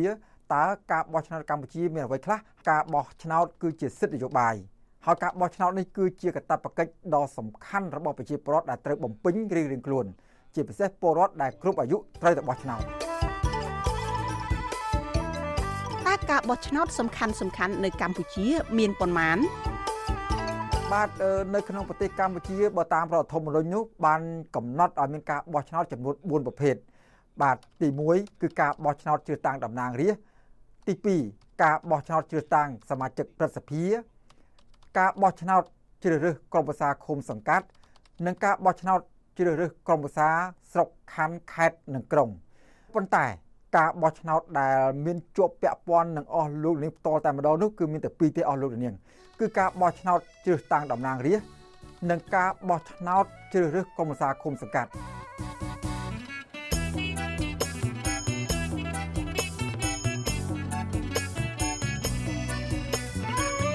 ចំពោះការបោះឆ្នោតជ្រើសរើសក្រុមប្រឹក្សាឃុំសង្កាត់បានកន្លងផុតទៅហើយកាលពីខែមិថុនាឆ្នាំ2022 បាទចំពោះការបោះឆ្នោតជ្រើសតាំងតំណាងរាស្ត្រអាណត្តិទី7វិញនឹងប្រព្រឹត្តទៅនៅខែកក្កដាខាងមុខឆ្នាំ2023បាទតើលោកនាង បានត្រៀមខ្លួនរួចរាល់ហើយឬនៅចំពោះការបោះឆ្នោតនាពេលខាងមុខនេះខ្ញុំបាទសេបណ្ឌិតព្រមទាំងក្រុមការងារទាំងអស់នៃវិទ្យុអសីសេរីនឹងរៀបចំកម្មវិធីផ្សាយអំពីការបោះឆ្នោតដែលនឹងប្រព្រឹត្តទៅនៅពេលខាងមុខនេះជូនអស់លោកនាងជាបន្តបន្ទាប់សូមអស់លោកនាងកុំភ្លេចតាមដាន អំពីការផ្សាយ ពាក់ព័ន្ធនឹងការបោះឆ្នោតនេះកុំបីខាននៅពេលក្រោយទៀតបាទសូមអរគុណនិងសូមជម្រាបលា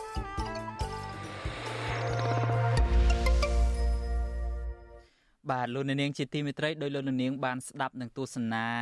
ការលើកឡើងរបស់លោកសេងបណ្ឌិតហើយគឺថាការបោះឆ្នោតជាតិនៅខែកក្កដាខាងមុខនេះគឺកាន់តែខិតជិតចូលមកដល់ហើយហើយអាស៊ីសេរីនឹងព្យាយាមរិះរកកម្មវិធីផ្សាយថ្មីថ្មីហើយព្រមទាំងពង្រីកនៅការផ្សាយរបស់យើងដើម្បីផ្សព្វផ្សាយព័ត៌មានពិតអំពីប្រទេសកម្ពុជាទៅជូនលោកនាងឲ្យបានទាន់ពេលវេលាហើយមកទល់នឹងពេលនេះយើងបានពង្រីកការផ្សាយរបស់យើងច្រើនណាស់មកហើយដែលលោកនាងអាចជ្រើសរើសយកផលិតផលណាមួយដើម្បីយកទៅទស្សនាឬមួយក៏តាមដានព័ត៌មានរបស់យើងគឺថាយើងមាន Visu Short Wave ឬមួយក៏យើងហៅថាបង SW នឹងក៏មាននៅតាមបណ្ដាញសង្គមវិញគឺយើងមានទាំង Telegram យើងមានទាំង Facebook យើងមានទាំង YouTube ហើយក៏មានទាំងនៅលើប្រព័ន្ធបណ្ដាញសង្គម Instagram ដែរដូច្នេះយើងមានច្រើនណាស់មកហើយបូករួមទាំង app របស់ Visu Azizi សេរីទៀតផងដូច្នេះសូមលោកអ្នកនាងបន្តគ្រប់គ្រងនិងតាមដានការផ្សាយរបស់យើងជាបន្តទៅទៀតហើយយើងបានបំពេញបេសកកម្មនិងកំពុងបំពេញបេសកកម្មនេះបន្តទៅទៀតហើយហើយលោកអ្នកនាងដែលចង់ចូលរួមជួយដល់វិទ្យុអាស៊ីសេរីនឹងគឺថាលោកអ្នកនាងអាចចែករំលែកការផ្សាយរបស់យើងដែលយើងកំពុងតែផ្សាយផ្ទាល់ឬមួយក៏នឹងផ្សាយផ្ទាល់នៅថ្ងៃខាងមុខខាងមុខទៀតហ្នឹងលោកអ្នកនាងអាចចុច share ឬមួយក៏ចែករំលែកការផ្សាយទាំងអស់ហ្នឹងទៅដល់មិត្តភ័ក្តិឬមួយក៏បងប្អូនឬមួយក៏ក្រុមគ្រួសាររបស់លោកអ្នកនាងទៅដើម្បីយើងចូលរួមជួយគ្នាទាំងអស់ដើម្បីបុព្វហេតុសិទ្ធិមនុស្សលទ្ធិប្រជាធិបតេយ្យនិងយុត្តិធម៌សង្គមនៅក្នុងប្រទេសកម្ពុជានោះ បាទលោកអ្នកនាងជាទីមេត្រីយើងងាកមកចាប់អារម្មណ៍ទៅនឹងស្ថានភាពរបស់មនុស្សមួយរូបដែលបានរស់រានមានជីវិតពីព្រឹត្តិការណ៍គប់គ្រាប់បែកកាលពីឆ្នាំ1997បាទអង្គរៈម្នាក់របស់លោកសំរងស៊ីដែលនៅរស់រានមានជីវិតពីព្រឹត្តិការណ៍គប់គ្រាប់បែកកាលពីឆ្នាំ1997និងកិច្ចចេញពីការធ្វើទុកបុកម្នេញពីសំណាក់អាជ្ញាធររបស់លោកហ៊ុនសែននោះកំពុងរស់នៅជាជនភៀសខ្លួននៅក្នុងប្រទេសថៃ បាទថាតើអង្គរៈម្នាក់នោះជាអ្នកណាហើយគាត់មានប្រវត្តិតស៊ូយ៉ាងណាខ្លះបាទយើងប្រកុលនីតិនេះជូនលោកនៅវណ្ណរិនដើម្បីរាយការណ៍ជូនលោកអ្នកនាងប៉ុន្តែចោក្តីអ្នកប្រព្រឹត្តបទល្មើសក្តីគឺឲ្យតែមានលុយគឺដោយដោយអ្នកធំដោយអ្នកមានអំណាចចឹងក្នុងបន្ទប់តូចមួយកណ្ដាលទីក្រុងបាងកកប្រទេសថៃជនភៀសខ្លួនខ្មែរផ្នែកនយោបាយមួយក្រុមជាសកម្មជននិងមន្ត្រីគណៈបកសង្គ្រោះជាតិ បានរៀបរាប់ពីការតស៊ូនៅក្នុងសមរភូមិនយោបាយនិងលើកឡើងពីបទពិសោធន៍នៃការជាប់ឃុំឃាំងក្នុងពន្ធនាគាររបស់ពួកគេនៅប្រទេសកម្ពុជាគណៈបកនេះសិទ្ធដកចោលអានេះយ៉ាងគូតាគណៈបកក្នុងនោះក៏មានលោកសូដារ៉ាដែលធ្វើជាអង្គរៈមេបកប្រឆាំងលោកសំរងស៊ីជិត30ឆ្នាំ បុរសវ័យ53ឆ្នាំរូបនេះក៏ជាសកម្មជនគណៈបកប្រឆាំងមួយរូបដែលនៅក្រាញននៀលមិនក្បត់ឆន្ទៈប្រជាពលរដ្ឋម្ចាស់ឆ្នោត និងស្រឡាញ់គាំទ្រលទ្ធិប្រជាធិបតេយ្យខ្ញុំមិនចាក់ចេញពីគណៈបកប្រជាធិបតេយ្យគឺគណៈបកដែលហ៊ានប្រឆាំងជាមួយរដ្ឋាភិបាលទី1ទី2អឺអ្នកប្រជាធិបតេយ្យគឺមានគេឈ្មោះមិនសាបសូន្យហើយសូម្បីតែ យើងខ្លួនឯងនេះមកគ្រប់គ្រងគណៈបកភ្លើងទៀនដោយយល់ឃើញថាគណៈបកភ្លើងទៀនគឺគណៈបកប្រជាធិបតេយ្យដែលរស់នៅក្នុងស្រុកខ្មែរដែលមានតែមួយគត់សម្រាប់ការបោះឆ្នោតនៅឆ្នាំ2010 23នេះបាទតាំងពីគណៈបកជាតិខ្មែររហូតដល់គណៈបកសំស៊ីមកភ្លើងទៀនទៀត លោកសូដារ៉ាធ្វើជាអង្គរៈលោកសំរងស៊ីចាប់តាំងពីឆ្នាំ1995និងចូលរួមសកម្មភាពនយោបាយជាមួយមេដឹកនាំគណៈបកប្រឆាំងរូបនេះចាប់តាំងពីគណៈបកជាតិខ្មែរគណៈបកសំរងស៊ីគណៈបកសង្គ្រោះជាតិហើយនៅចុងក្រោយនេះលោកក៏ជាអ្នកគាំទ្រគណៈបកភ្លើងទៀនដែលជាមរតកនយោបាយរបស់លោកសំរងស៊ី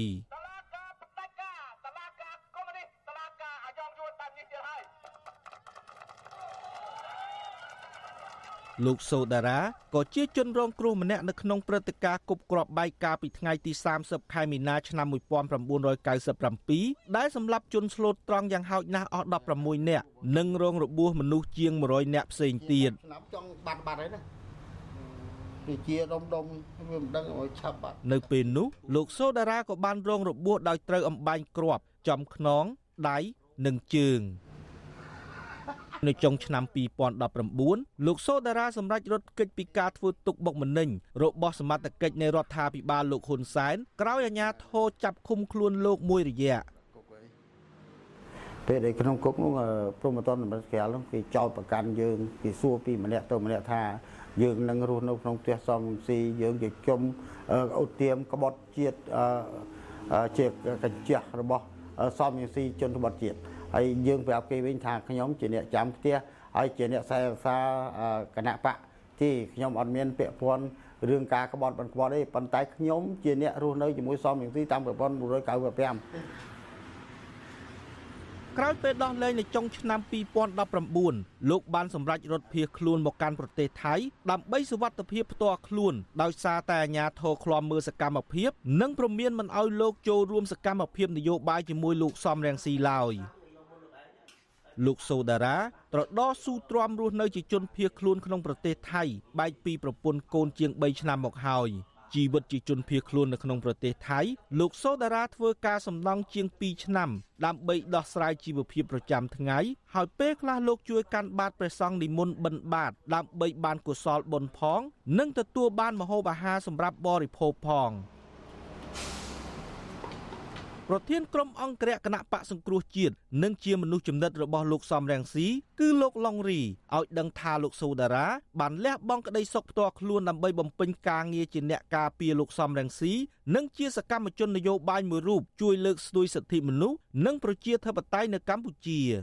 ជាបុគ្គលិកលក្ខណៈដែលយើងទាំងអស់គ្នាអាចនិយាយបានតាមសម្បកកាយហើយខ្ញុំអាចដឹងអំពីចិត្តគាត់ភាពស្មោះត្រង់នេះបានសម្ដែងថាគាត់បានបោះបង់ទាំងក្រុមគ្រួសារមិនមែនបោះបង់គាត់រត់ទៅមានស្រីថ្មីទេបានគេថាបោះបង់ដោយកតបកិច្ចយកគោលដៅកតបកិច្ចជាធំបំពេញពីគេបេសកកម្មជូនជាតិហើយគាត់នៅចាក់ឆ្ងាយពីប្រពន្ធខ្ញុំស្គាល់ទាំងប្រពន្ធស្គាល់ទាំងកូនរបស់គាត់ឆ្លុះបញ្ចាំងថាតារាជាមនុស្សម្នាក់ដែលបានគោរពគោលដៅគោរពបទបញ្ជានិងស្មោះត្រង់ទោះជាស្ថិតក្នុងកលៈទេសៈបែបណាក៏ដោយក៏លោកមិនបដូរជំហររបស់លោកដែរប៉ុន្មានឆ្នាំចុងក្រោយនេះសកម្មជនគណៈបកប្រឆាំងមួយចំនួនតែងតែរងនៅអំពើហិង្សា ការចោទប្រកាន់តាមផ្លូវតុលាការនិងការធ្វើទុកបុកម្នេញនានាដែលធ្វើឲ្យអ្នកខ្លះរត់ភៀសខ្លួនទៅកាន់ប្រទេសថៃដើម្បីសុវត្ថិភាពផ្ទាល់ខ្លួន។ ចំពោះលោកសូដារ៉ាដែលជាអ្នកតស៊ូជាមួយក្រុមអ្នកស្រឡាញ់ប្រជាធិបតេយ្យជិត30ឆ្នាំនៅតែសង្ឃឹមថានៅក្នុងពេលអនាគតដ៏ខ្លីខាងមុខប្រទេសកម្ពុជានឹងងាកតាមគន្លងប្រជាធិបតេយ្យវិញហើយពលរដ្ឋខ្មែរមានសិទ្ធិសេរីភាពពេញលេញនិងអាចទទួលបានឋានៈដឹកនាំល្អតាមរយៈការបោះឆ្នោតមួយប្រកបដោយសេរីនិងយុត្តិធម៌ខ្ញុំបាទនៅវណ្ណរិន With Chu Azizi Serai ពីរដ្ឋធានី Washington បាទលោកអ្នកនាងជាទីមេត្រីយើងមានព័ត៌មានមួយទៀតតាក់ទងទៅនឹងប្រវត្តិរបស់ព្រះសង្ឃវិញម្ដងព្រះសង្ឃដែលបានរួមចំណែកការពារព្រៃឈើនៅកម្ពុជាអស់រយៈពេលជិត10ឆ្នាំមកហើយបាទព្រះសង្ឃមួយអង្គដែលបានចំណាយពេលវេលាជិត10ឆ្នាំដើម្បីការពារធនធានធម្មជាតិនៅព្រៃសហគមន៍សង្ឃរុក្ខវ័ននៅខេត្តឧត្តរមានជ័យនោះគឺព្រះអង្គថោធុរស់ បាទព្រះអង្គបានធ្វើកិច្ចការងារអភិរក្សព្រៃនេះដោយស្ម័គ្រចិត្តជាមួយនឹងប្រជាពលរដ្ឋនៅក្នុងមូលដ្ឋានបើទោះបីជាព្រះអង្គធ្លាប់រងការគំរាមកំហែងនិងការចោទប្រកាន់ពីសំណាក់អាជ្ញាធរយ៉ាងណាក្តីបាទយើងប្រកុលនីតិនេះជួនអ្នកស្រីសុជីវីដើម្បីជម្រាបជូនលោកអ្នកនាងអំពីរឿងនេះព្រះដេចប្រគុណថោធុរស់ជាព្រះសង្ឃមួយអង្គក្នុងចំណោមព្រះសង្ឃ4អង្គផ្សេងទៀតដែលសកម្មអភិរក្សព្រៃសហគមន៍សង្ឃរុក្ខវ័នពេលខ្លះ ព្រះអង្គទ្រាំក្រាបលូនទាំងជប់អាត្រៀតដើម្បីស្ទាក់ចាប់ក្រុមជនល្មើសលួចអាឈើហើយក៏ធ្លាប់រងការជេរប្រមាថមើលងាយពីសំណាក់ជនល្មើសជាហោហែដែរប៉ុន្តែព្រះអង្គមិនដែលគិតថាចង់បោះបង់ឆន្ទៈនោះទេព្រះអង្គថោធុរស់មានថេរដីកាថា ការការពារព្រៃសហគមន៍នេះកើតចេញពីឆន្ទៈនិងការស្រឡាញ់ធនធានធម្មជាតិព្រោះព្រះអង្គមិនចង់ឃើញធនធានធម្មជាតិនៅកម្ពុជា រងការបំផ្លាញតាមតែអំពើចិត្ត កម្ពុជាយើងនេះគឺឃើញថាមានការការប្រៃឈើឬក៏ការរុករានការបំផ្លាញប្រៃឈើធ្វើឲ្យវិនិស្សកម្មដើម្បីយកដីនឹងមកធ្វើជាកសិកម្មនេះជាចំណុចមួយដែលសមាភិបក៏ដូចជាក្រមការងារនឹងបានខិតខំធ្វើកិច្ចការងារថែរក្សាប្រៃនៅទីនេះឲ្យបានគង់វង្សសម្រាប់កូនចៅបន្តទៅទៀតមួយទៀតដែលសំខាន់បំផុតនេះកាត់បន្ថយការកាត់ឡើងនៅគ្រោះមហន្តរាយនៅរយៈពេលប្រមាណខែដើមឆ្នាំ2023នេះយើងឃើញថាមានខ្យល់កន្ត្រាក់ធ្វើឲ្យមានប្រជាពលរដ្ឋតាមស្រុកនេះផ្សេងផ្សេងងបានជួបនៅគ្រោះមហន្តរាយដោយសារខ្យល់ព្យុះក៏ដូចជារន្ទះនេះគឺជាបញ្ហាចម្បងដែលកើតឡើងអំពីការបាត់បង់នៅធនធានធម្មជាតិព្រះអង្គថោធុរស់ជាប្រធានសហគមន៍ព្រៃសង់រុក្ខវ័ននិងជាព្រះចៅអធិការវត្តប្រាសាទរាជាសំរោងស្ថិតនៅក្រុងសំរោងព្រះអង្គមានស្រុកកំណើតនៅសង្កាត់សំរោងក្រុងសំរោងខេត្តឧត្តរមានជ័យព្រះអង្គបានសាងព្រះភ្នោះក្នុងព្រះពុទ្ធសាសនាបាន20ព្រះវស្សាគិតចាប់តាំងពីឆ្នាំ2023 ហើយបានបញ្ចប់ថ្នាក់បរិញ្ញាបត្រផ្នែកគ្រប់គ្រង កាលពីឆ្នាំ2014នៅខេត្តបាត់ដំបងបច្ចុប្បន្នព្រះអង្គកំពុងបន្តការសិក្សាថ្នាក់អនុបណ្ឌិត ផ្នែករដ្ឋបាលសាធារណៈគិតមកដល់ពេលនេះព្រះអង្គថោធុរស់សម្រាប់ចូលរួមការពារព្រៃសង់រុក្ខវ័នជាមួយនឹងអតីតព្រះសង្ឃប៊ុនសលួត ជាង10ឆ្នាំមកហើយស្របពេលកាលនោះធនធានធម្មជាតិភាគច្រើនរងការកាប់បំផ្លាញរំលោភយកដីព្រៃធ្វើជាកម្មសិទ្ធិឯកជន ពីសំណាក់ពលរដ្ឋនិងអ្នកមានលុយមានអំណាចក្រៅពីការងារវត្តនិងសាសនាព្រះអង្គតែងតែចុះល្បាតព្រៃនិងគង់នៅទីស្នាក់ការជាប្រចាំក្នុងព្រៃសង់រុក្ខវ័នជាមួយប្រជាសហគមន៍4ទៅ5នាក់ដើម្បីចុះល្បាតទប់ស្កាត់បទល្មើសអាឈើនិងការបរបាញ់សត្វព្រៃខុសច្បាប់នៅក្នុងព្រៃអភិរក្សមួយនេះ។ បញ្ហាប្រឈមមួយទៀតទាក់ទងជាមួយជាមួយបទល្មើសដែលមាននៅទីនេះគឺប្រភេទបទល្មើសសត្វព្រៃមានការដាក់អន្ទាក់ហើយនិងការដាក់លូសឆក់សត្វហើយសត្វនៅទីនេះមានរហូតដល់សត្វតន្សោងប្រភេទទី3ទាក់ទងជាមួយនឹងការនេសាទត្រីខុសច្បាប់ន័យថាកិត្តលួចឆក់ហើយនឹងចូលទៅក្នុងដែនអភិរក្សតំបន់អភិរក្សត្រីពូជពងកូនអញ្ចឹងបទល្មើសនៅក្នុងនេះមានប្រភេទឈើប៉និតធ្នង់ហើយនឹងដាក់អន្ទាក់សត្វ ព្រៃសង់រុក្ខាវ័នមានផ្ទៃដីជាង30000ហិកតាស្ថិតនៅស្រុកអន្លង់វែងស្រុកចុងកាល់និងស្រុកសំរោងក្នុងខេត្តឧត្តរមានជ័យព្រៃសហគមន៍នេះមានបឹងធម្មជាតិដ៏ស្រស់ស្អាតមួយ មានទំហំ6000ហិកតាសម្បូរត្រីជីវៈចម្រុះនិងមានសត្វព្រៃកម្រជាច្រើនប្រភេទរស់នៅដូចជាសត្វខ្ទីងទុនសោងស្វាប្រើសខ្លារខិនត្រដក់ធំ ពង្រូលខ្លាឃ្មុំតូចឆ្កែព្រៃទូច និងសត្វក្ងោកជាដើមទោះយ៉ាងណារយៈពេល2ឆ្នាំចុងក្រោយនេះបទល្មើសបរបាញ់សត្វបន្តកើតមានធ្វើឲ្យសត្វព្រៃមួយចំនួនប្រឈមបាត់បង់អ្នកខ្លាំមើលបញ្ហាព្រៃឈើលើកឡើងថា ការចូលរួមការពារព្រៃសង់រុក្ខវ័នរបស់ព្រះសង្ឃជាង20ឆ្នាំមកនេះធ្វើឲ្យអាជ្ញាធរមូលដ្ឋាននិងអ្នកមានលុយមានអំណាចមួយចំនួនមិនសប្បាយចិត្តនោះទេព្រោះប៉ះពាល់ផលប្រយោជន៍របស់ពួកគេជាក់ស្ដែង រាល់ពេលមានការបញ្ចេញមតិផ្សព្វផ្សាយរបស់ព្រះសង្ឃលើបណ្ដាញសង្គមនិងសារព័ត៌មានជុំវិញបទល្មើសអាឈើនិងការបរបាញ់សត្វព្រៃតែងទទួលការគំរាមកំហែងនិងសួរនាំពីអាជ្ញាធរពាក់ព័ន្ធដែលធ្វើឲ្យព្រះសង្ឃមួយចំនួន បារម្ភពីសវត្ថិភាពផ្ទាល់ខ្លួនពលរដ្ឋម្នាក់ដែលរស់នៅព្រៃសហគមន៍សង្រុខវ័ននិងជាគណៈកម្មការធ្វើការជាមួយប្រដេចព្រះគុណថោធុរស់លោកសាថ្លៃប្រាប់វិទ្យុអាស៊ីសេរីថា លោកបានស្ម័គ្រចិត្តចូលរួមការពារព្រៃសង់រុក្ខវ័ននេះជិត10ឆ្នាំមកហើយ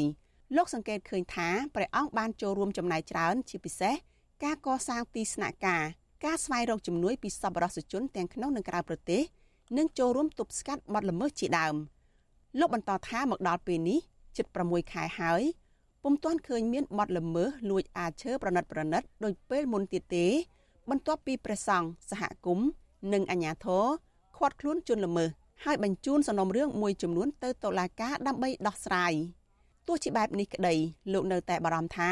ព្រៃសហគមន៍នេះនៅតែមានបទល្មើសលួចអាឈើបន្តទៀតដែលកើតចេញពីក្រុមអ្នកមានអំណាចមួយចំនួនហើយរាល់ការខាត់ខ្លួនអ្នកទាំងនោះពុំដែលឃើញអាជ្ញាធរពាក់ព័ន្ធណាចេញមុខដោះស្រាយតាមផ្លូវច្បាប់។ និយាយរួមទៅគឺព្រះអង្គមានចង្ហូររឹងមាំក្នុងការអភិរក្សទោះបីថាយើងមានរឿងបន្តិចបន្តួចមែនដោយសារយើងអត់ទាន់ចោះសម្រងគ្នាយើងមិនទាន់យល់ពីអារម្មណ៍គ្នាទៅវិញទៅមកណាផ្ដើមផ្ដើមអញព្រះអង្គធ្វើស្ថាប័នតែម្នាក់ឯងនេះឥឡូវវាស្ថាប័នពីរដែលយើងដាក់រួមគ្នាម្ល៉េះហើយវាមានការប្រទៀងប្រទើសខ្លះមានការមិនទាន់យល់ពីអារម្មណ៍គ្នាទៅវិញទៅមកប៉ុន្តែខ្ញុំគិតថាប្រហែលជាថ្ងៃក្រោយយើងនឹងសហការហើយនឹងធ្វើការធ្វើមិនបានល្អជាមួយដូចជាមន្ត្រីបកឋានហើយជាមួយប្រជាពលរដ្ឋជាមួយអាជ្ញាធរដែលពាក្យពិនជុំវិញរឿងនេះមន្ត្រីសម្របសម្រួលគម្រោងនៃសមាគមបណ្ដាញយុវជនកម្ពុជាលោកអូតឡាទីនដែលតែងតែនាំយុវជនចុះទៅសិក្សានៅតំបន់ព្រៃសង់រុក្ខាវ័នលើកឡើងថាការខិតខំប្រឹងប្រែងរបស់ប្រដេចព្រះគុណថោធុរស់និងប្រជាសហគមន៍ក្នុងការការពារធនធានធម្មជាតិនេះគឺជាគំរូដ៏ល្អ ហើយគួរតែទទួលបានការលើកទឹកចិត្តខ្ពស់ពីសំណាក់អាជ្ញាធរពាក់ព័ន្ធជាពិសេសកិច្ចសហការល្អជាមួយមន្ត្រីបរិស្ថានក្នុងការទប់ស្កាត់បទល្មើសឲ្យមានប្រសិទ្ធភាពប៉ុន្តែជាក់ស្ដែងលោកថាអាជ្ញាធរទាំងនោះបែរជាមិនអើពើដែលជាហេតុធ្វើឲ្យបទល្មើសអាឈើកន្លងទៅ នៅតែកើតមានហូរហែសម្រាប់អាជ្ញាធរមូលដ្ឋានត្រូវតែចូលរួមជាមួយនឹងព្រះសង្ឃហើយចូលរួមក្នុងន័យថាកិច្ចសហប្រតិបត្តិការគ្រប់គ្រងរាល់គ្រប់សកម្មភាពជាពិសេសគឺសកម្មភាពក្នុងការអនុវត្តច្បាប់គឺសកម្មភាពនៅក្នុងការចុះបង្ក្រាបហើយនឹងទប់ស្កាត់បទល្មើសនៅក្នុងតំបន់សង្រុកវ័នក្រៅពីនោះទៀតការគ្រប់គ្រងផ្នែកស្មារតីផ្នែកធនធានចំណេះដឹងហើយនឹងផ្នែកហិរញ្ញវត្ថុក៏ជារឿងសំខាន់សម្រាប់នៅទីនេះដែរជើស្នើទៅរាជរដ្ឋាភិបាលគួរតែធ្វើការពិចារណាហើយផ្ដល់កញ្ចប់ថវិកាគ្រប់គ្រងដល់សកម្មភាពរបស់ព្រះសង្ឃក្នុងការការពារធនធានធម្មជាតិប្រិយសហគមន៍សង្រុកវ័ន គឺជាគំនិតផ្ដួចផ្ដើមអភិរក្សដំបូងរបស់ព្រះសង្ឃសុទ្ធសាធគឺអតីតព្រះសង្ឃប៊ុនសលួតជាស្ថាបនិកដែលបង្កើតឡើងនៅក្នុងឆ្នាំ2001ហើយមានគោលបំណងការពារព្រៃឈើនិងអភិរក្សជីវៈចម្រុះសម្រាប់មនុស្សចំនួនក្រោយបច្ចុប្បន្នព្រៃសហគមន៍នេះស្ថិតក្រោមការគ្រប់គ្រងរបស់ព្រះសង្ឃនិងមន្ទីរបរិស្ថានខេត្តឧត្តរមានជ័យក៏ប៉ុន្តែរាល់សកម្មភាពចុះល្បាតនិងការចំណាយផ្សេងផ្សេងពុំដែលទទួលបានការឧបត្ថម្ភពីមន្ទីរបរិស្ថាននោះឡើយ គឺជាការទទួលខុសត្រូវរបស់ព្រះសង្ឃទាំងស្រុងចំណែកប្រធានសហគមន៍បដិជគុណថោទរស់ឯណែវិញព្រះអង្គចង់ឃើញព្រៃសហគមន៍មួយនេះក្លាយជាតំបន់ទេសចរបែបធម្មជាតិហើយលុបបំបាត់បទល្មើសអាឈើនិងការបរបាញ់សត្វព្រៃខុសច្បាប់ព្រះអង្គមានថេរដីកាថាករណីទប់ស្កាត់បទល្មើសនេះមិនពិបាកដោះស្រាយនោះឡើយ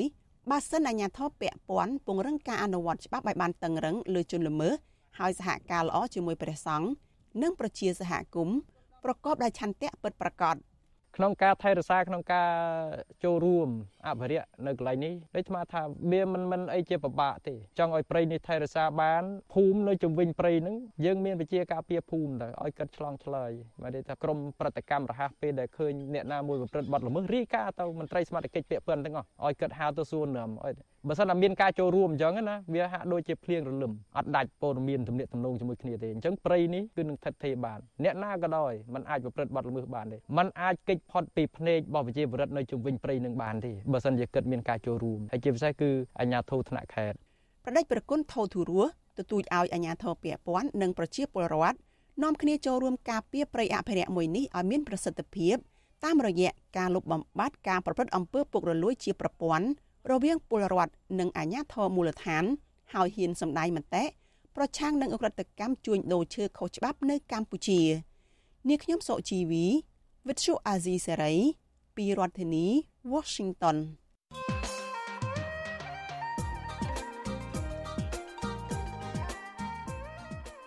បាទលោកនាងជាទីមេត្រីប្រទេសថៃនឹងរៀបចំការបោះឆ្នោតនៅថ្ងៃអាទិត្យទី14ខែឧសភាចុងសប្តាហ៍នេះហើយ បាទនៅក្នុងចំណោមគណៈបកនយោបាយដែលចូលរួមប្រគល់ប្រជែងនៅក្នុងការបោះឆ្នោតនោះគណៈបកប្រឆាំងមួយកំពុងតែដណ្ដើមបានប្រជាប្រិយភាព ជាពិសេសពីសំណាក់ក្រមយុវជននោះគឺគណៈបកឈ្មោះទៅមុខគណៈបកនេះមានទំនោរទៅខាងប្រជាធិបតេយ្យសេរីបាទការបោះឆ្នោតនៅថ្ងៃអាទិត្យនេះនឹងកំណត់ជោគវាសនានៃប្រទេសថៃ ថាតើអ្នកបោះឆ្នោតនឹងរើសមេដឹកនាំចំនួនថ្មីដែលមាននិន្នាការគ្រប់គ្រងលទ្ធិប្រជាធិបតេយ្យសេរី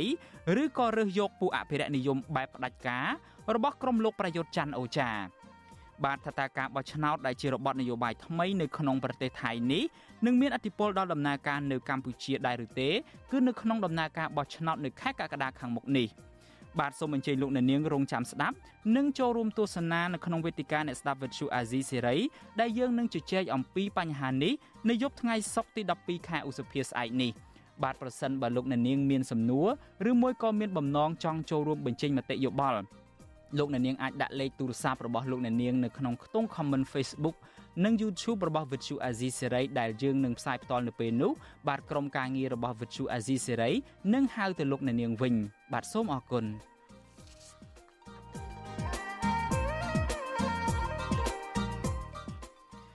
បាទលោកនាងជាទីមេត្រីយើងងាកមកចាប់អារម្មណ៍រឿងតាក់ទងទៅនឹងបទល្មើសព្រៃឈើដដែលគឺថាដីព្រៃសហគមន៍អូដូនតីនៅក្នុងស្រុកសណ្ដានខេត្តកំពង់ធំជាច្រើនហិកតា កំពុងរងការកាប់បំផ្លាញពីសំណាក់អ្នកមានអំណាចដើម្បីយកដីធ្វើជាកម្មសិទ្ធិឯកជនដោយមិនឃើញមានសមត្ថកិច្ចណាចុះបង្ក្រាបនោះឡើយ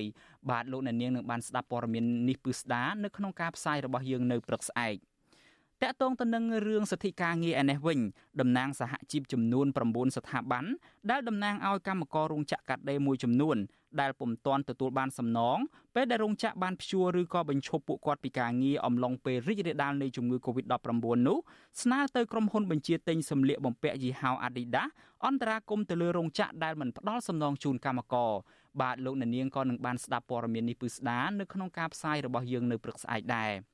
បានមកដល់ត្រឹមនេះការផ្សាយរបស់ Vuthu Azizi សេរីបានឈានចូលមកដល់ទីបញ្ចប់ហើយបាទយើងខ្ញុំសូមជូនពរដល់លោកអ្នកនាងកញ្ញាព្រមទាំងក្រុមគ្រួសារឲ្យជួបប្រកបតែនឹងសេចក្តីសុខចម្រើនរុងរឿងកំបីគ្លៀងគ្លាតឡើយបាទខ្ញុំបាទយ៉ងច័ន្ទដារាព្រមទាំងក្រុមការងារទាំងអស់នៃ Vuthu Azizi សេរីសូមអរគុណនិងសូមជម្រាបលា បាទរាត្រីសួស្តី thank you